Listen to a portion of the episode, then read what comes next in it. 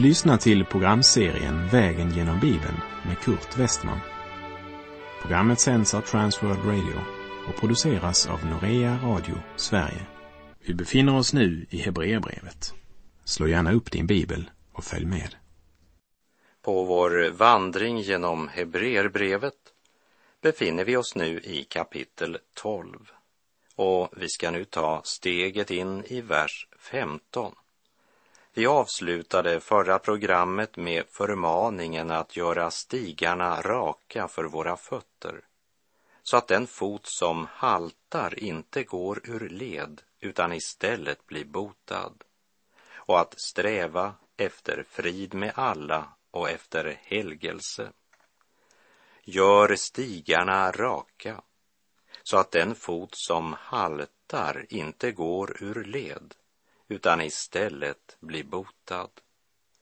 Det talar om en rakryggad hållning i vardagslivet och det varnar oss för att leva ett haltande kristenliv där vårt hjärta är delat.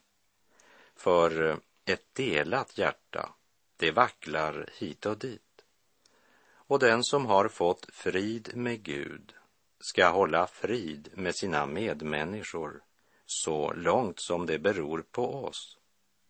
Som Guds barn måste vi alltid ransaka oss själva och fråga oss, är vi en del av lösningen eller en del av problemet? Sträva efter frid med alla och efter helgelse. Ty utan helgelse kommer ingen att se Herren. Det var den klara förmaning hebreerna fick och att jaga efter frid. Det betyder inte att vi ska se mellan fingrarna med synd eller blunda för falsk lära eller liv.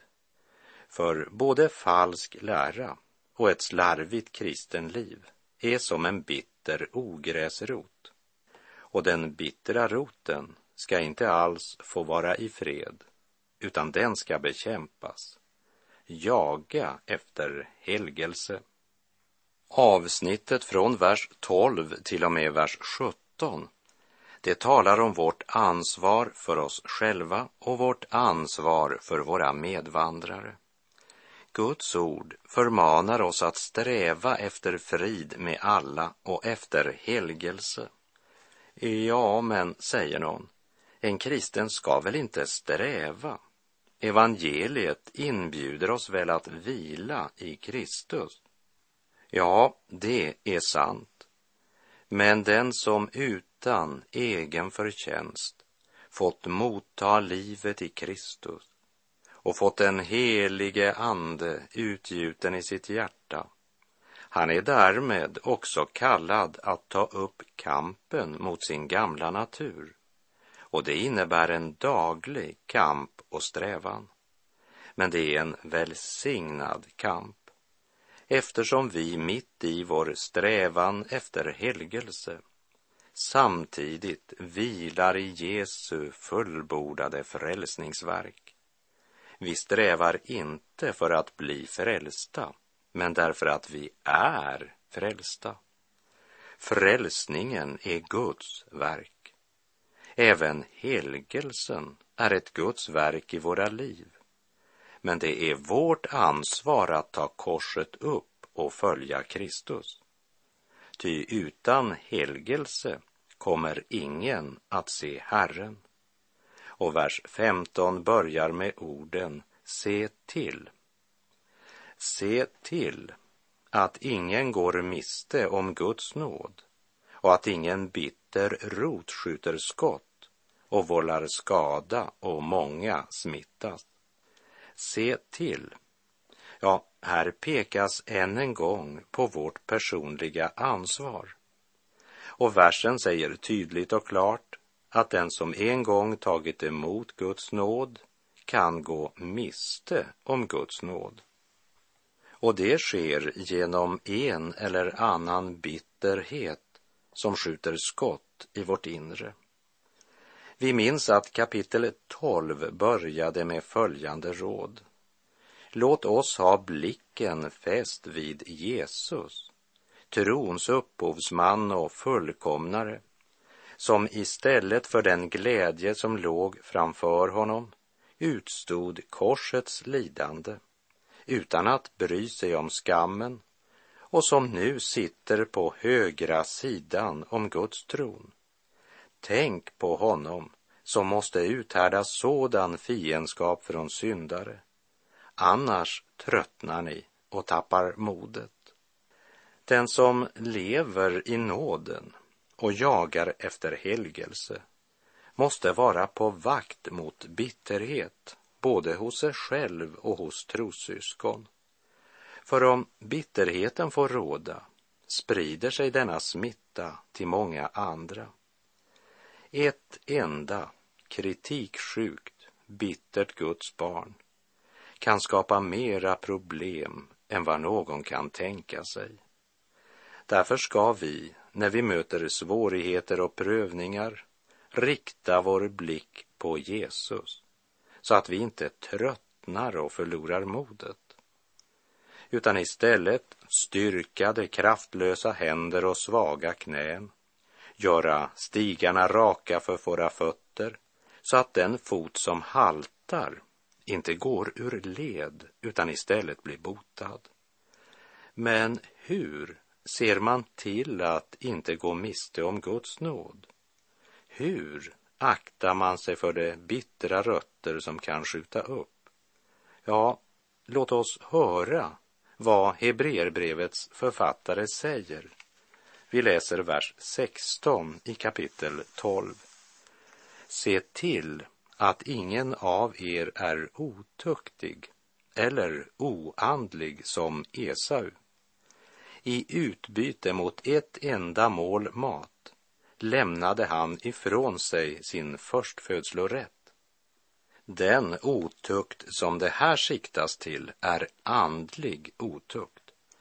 Och Esau används alltså som exempel för att beskriva den hållning där man räknar mera med jordisk rikedom och tillfällig lättnad än med Guds löften och framtidsperspektivet. Esau handlade oandligt, inte bara genom att ringakta sin förstfödslorätt så att han sålde den för en tallrik välling, men också därför att han tog sig två hustrur som båda var hetitiskor vilket blev till stor sorg för Isak och Rebecka. Att sälja förstfödslorätten, det var ett andligt svek. Och genom att gifta sig med de hetitiska kvinnorna avslöjar han att hans val var mera styrt av köttets lust än av aktning för Guds bud och aktning för föräldrarna. Det var ögonblicket och det synliga som styrde hans val. Och när vi läser vidare i vers 17 så anges detta som orsak till att Esau blev avvisad när han senare önskade ärva välsignelsen. Den kötslige ångrar sig alltid när det är för sent. Vi läser Hebreerbrevet 12, vers 17. Ni vet att han avvisades när han ville ärva välsignelsen. Isak såg nämligen inte någon möjlighet att ändra sig, fastän Esau under tårar sökte få välsignelsen. Låt oss ha klart för oss att Hebreerbrevet 12.17 säger inte att Esau ångrade sin synd och ville vända om till Gud och att Gud inte skulle ha velat ta emot honom. Det är inte det som sägs här. Men när det gick upp för Esau att det var inte bara den förstföddes välsignelse han gav ifrån sig när han köpte en sopptallrik för att stilla ögonblickets hunger, utan med förstfödslorätten så följde också den förstföddes rättighet att ärva en dubbel arvslott och då ångrar sig Esau. Han ångrar inte att han ringaktat Guds välsignelse. Han ångrar inte att han gett sin far och mor djup hjärtesorg genom att gifta sig med hetitiska, hedniska kvinnor. Han ångrar inte att han syndat därför att han inser sin synd, utan därför att han förstår vilken konsekvens han kommer att måste skörda. Därför gråter han. Han försöker undgå syndens konsekvens, men det gavs inte någon sådan möjlighet, fastän han försökte med tårar. Det är alltid till skada för oss själva när vi föraktar något som Gud har givit. Och liksom Esau och Jakob såg helt olika på förstfödslorättens värde och betydelse så delas också idag mänskligheten inför Guds gåva. Esau fick linssoppa och bröd, ett ögonblicks tillfredsställelse. Judas fick 30 silverpenningar. Pilatus fick ro för den larmande folkmängden och de skriftlärda. Ja, den som säljer Guds gåva får alltid något igen. Problemet är bara att det man vann visar sig vara högst förgängligt. Och krokodiltårar hjälper inte, hur mycket det än kan imponera på människor. För Gud ser till hjärtat. Låt oss tänka över det när vi gör våra val.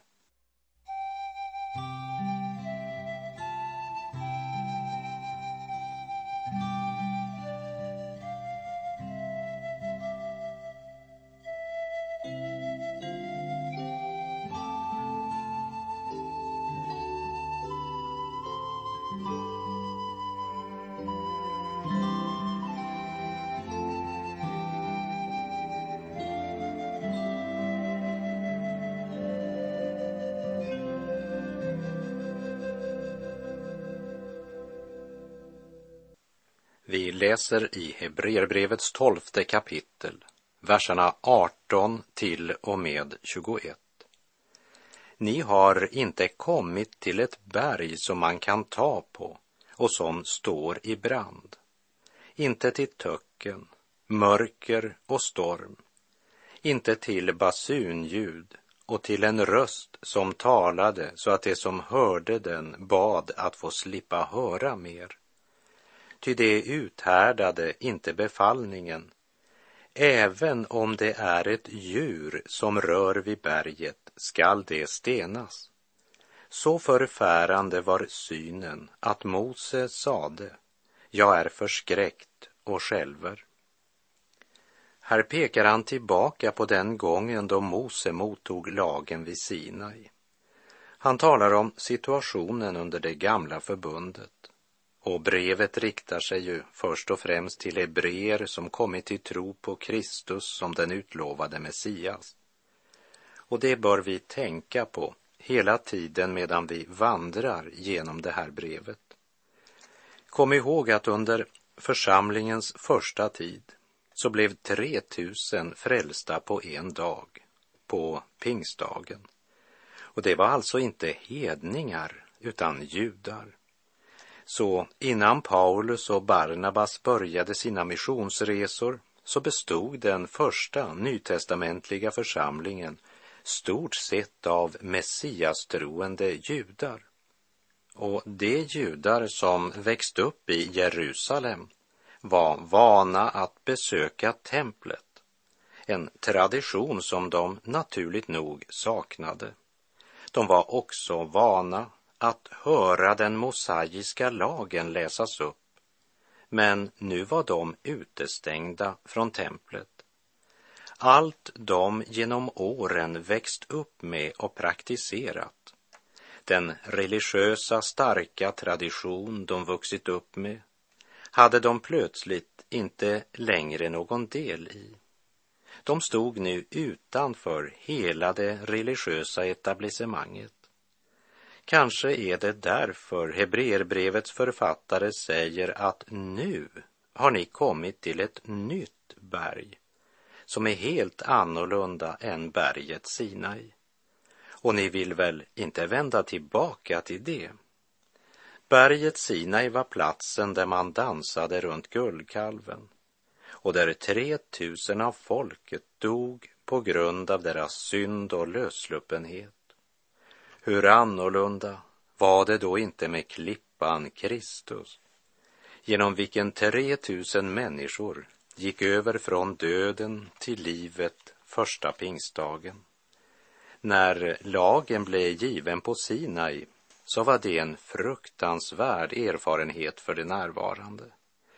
För det står att när folket märkte dundret och eldslågorna och basunljudet och röken ifrån berget, då bävade de och höll sig på avstånd. Och i Andra Mosebok kapitel 20, vers 19 står det. Det sade till Mose, tala du till oss, så vill vi höra, men låt inte Gud tala till oss, för att vi inte må dö. För det uthärdade inte befallningen, säger Hebreerbrevet 12, vers 20 och 21 och fortsätter. Så förfärande var synen att Mose sade, jag är förskräckt och skälver. Så det var inte någon härlig eller underbar erfarenhet. Det var skrämmande, ja, rent förfärande. Men Guds uppenbarelse i Kristus Jesus, den levande stenen, är så mycket underbarare. Hebreerbrevets författare påminde dem om det berg som deras fäder var hänvisade till under det gamla förbundet. Hur förfärande det hade varit. Men det var inte till ett sådant berg brevets mottagare hade kommit. Därför skriver han, vers 22 och 23.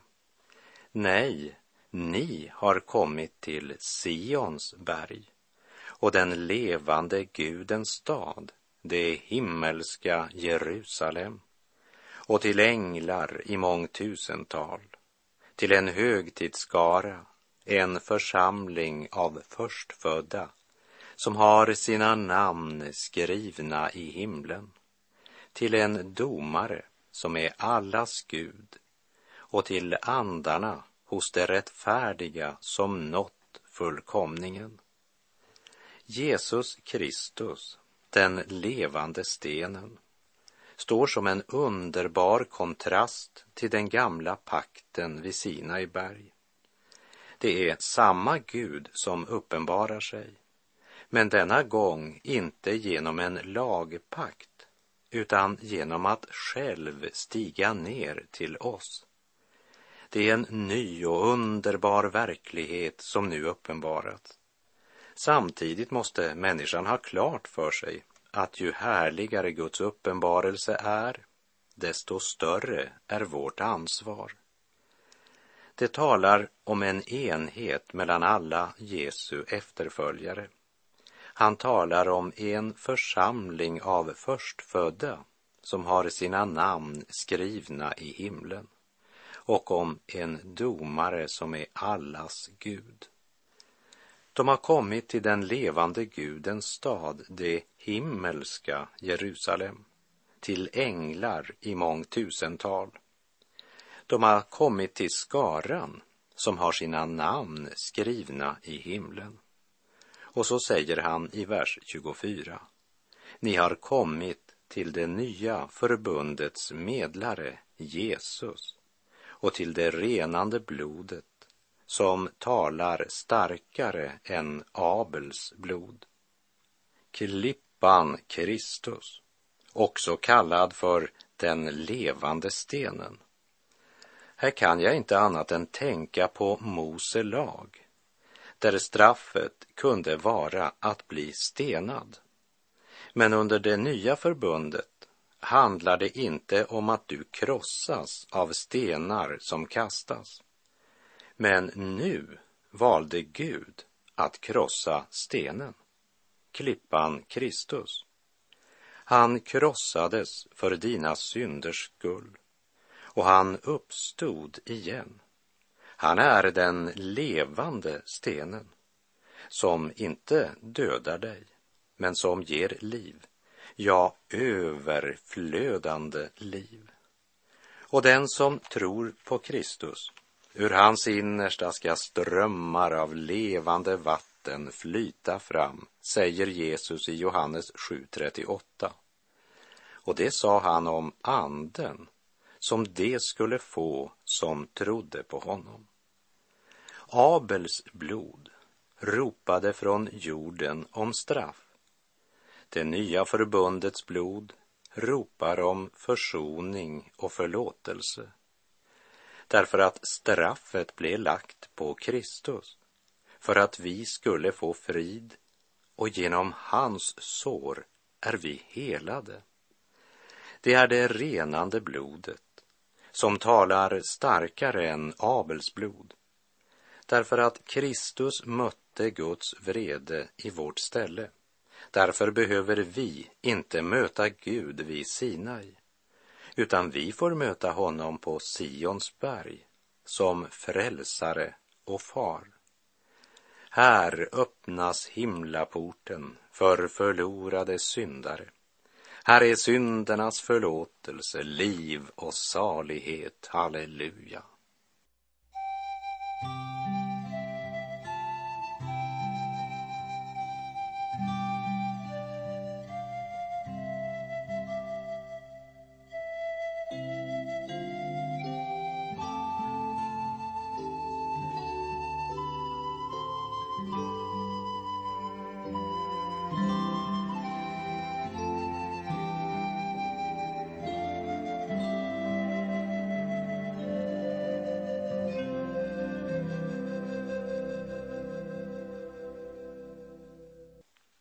Vi läser Hebreerbrevet kapitel 12, vers 25.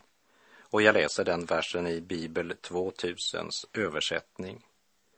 Se till att ni inte avvisar honom som talar. Ty om inte det kunde komma undan som avvisade honom när han här på jorden tillkännagav sin vilja, hur skall då vi kunna det om vi vänder oss bort från honom när han talar till oss från himlen. Hur har Gud talat till oss från himlen? Genom att han sände sin son till jord. Jesus är Guds sista ord till mänskligheten. Gud har inte förändrat sig. Han är fortfarande den allsmäktige och helige som hatar synd. Gud har inte förändrat sig, men människans situation har helt förändrats genom att Gud har berett en väg till frälsning och han ropar ut budskapet om räddning. Gud talar. Vi berörs av en vind ifrån evighetens värld. Se bara till att du inte avvisar Gud. För det är till dig han talar just nu och påminner dig om att du har en odödlig själ. Du ställs inför evighetens verklighet. Och frågan går rakt på sak. Om inte det kunde komma undan som avvisade honom när han här på jorden tillkännagav sin vilja. Hur ska då vi kunna det om vi vänder oss bort från honom när han talar till oss från himlen? Inbillar vi oss att vi ska kunna undfly Guds dom om vi inte bryr oss om Guds frälsningserbjudande genom sin son Jesus Kristus? Vi läser Hebreerbrevet 12, verserna 26 till och med 29.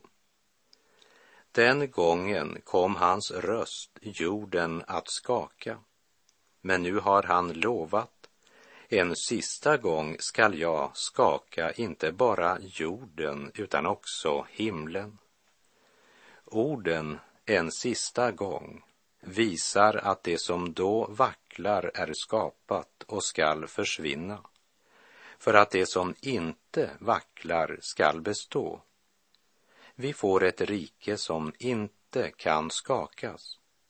Låt oss därför vara tacksamma och tjäna Gud så som han vill, med vördnad och fruktan.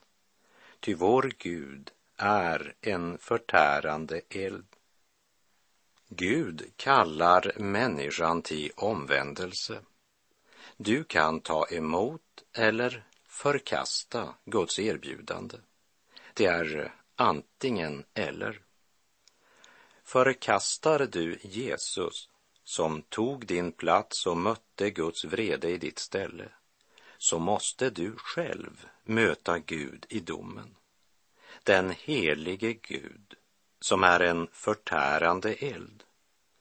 Och domen, ja, den ska bli så mycket tyngre därför att du blev kallad att möta honom i nåd till förlåtelse och frälsning, men du sa nej. Och med det så är vår tid ute för den här gången. Men innan vi skiljs åt så vill jag påminna om orden i Hebreerbrevets andra kapitel, vers 2 och 3, där det står om redan det ord som talades genom änglar stod fast och varje överträdelse och olydnad fick sitt rättvisa straff, hur ska då vi kunna fly undan om vi inte bryr oss om en så stor frälsning? Öppna ditt hjärta för det rike som aldrig ska vackla och som inte kan skakas. Var tacksam och tjäna Gud så som han vill med vördnad och fruktan. Ty vår Gud är en förtärande eld. När anden får smörja trons öga så kan den på nyttfödda människan gripa sanningen att Jesus är sann Gud, kommen i mänsklig gestalt. Och allt är underlagt honom. Och då blir man tacksam och önskar tjäna Gud så som han vill med vördnad och fruktan. Han köpt dig fri från syndens skuld och makt och dom, att du i lydnad och rättfärdighet må tjäna honom nu.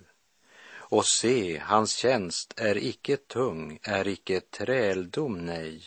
Han älskar fria tjänare, den tvungna tjänsten ej. Nu är ej tid att slumra in på maklighetens bädd. Vår konung vandrar bland oss här, om än i ringhet klädd. Hans verk går fram, han vilar ej, han för ett heligt krig. Vad nåd om han i denna strid vill bruka också dig. Till vaksamhet, till verksamhet, snart bryter natten in och då kan ingen verka mer, blott denna stund är din. Än några korta timmar till och så är dagen slut. Till verksamhet, till verksamhet, snart får du vila ut. Sök Herren medan han låter sig finnas. Åkalla honom medan han är nära. Herren vare med dig. Må hans välsignelse vila över dig. Gud är god. Du har lyssnat till programserien Vägen genom Bibeln med Kurt Westman som sänds av Transworld Radio. Programserien är producerad av Norea Radio Sverige. Om du önskar mer information om vårt radiomissionsarbete så skriv till Norea Radio Sverige, box 3419 103 68 Stockholm. Adressen är alltså Norea Radio Sverige, box 3419. Postnumret 10368 Stockholm.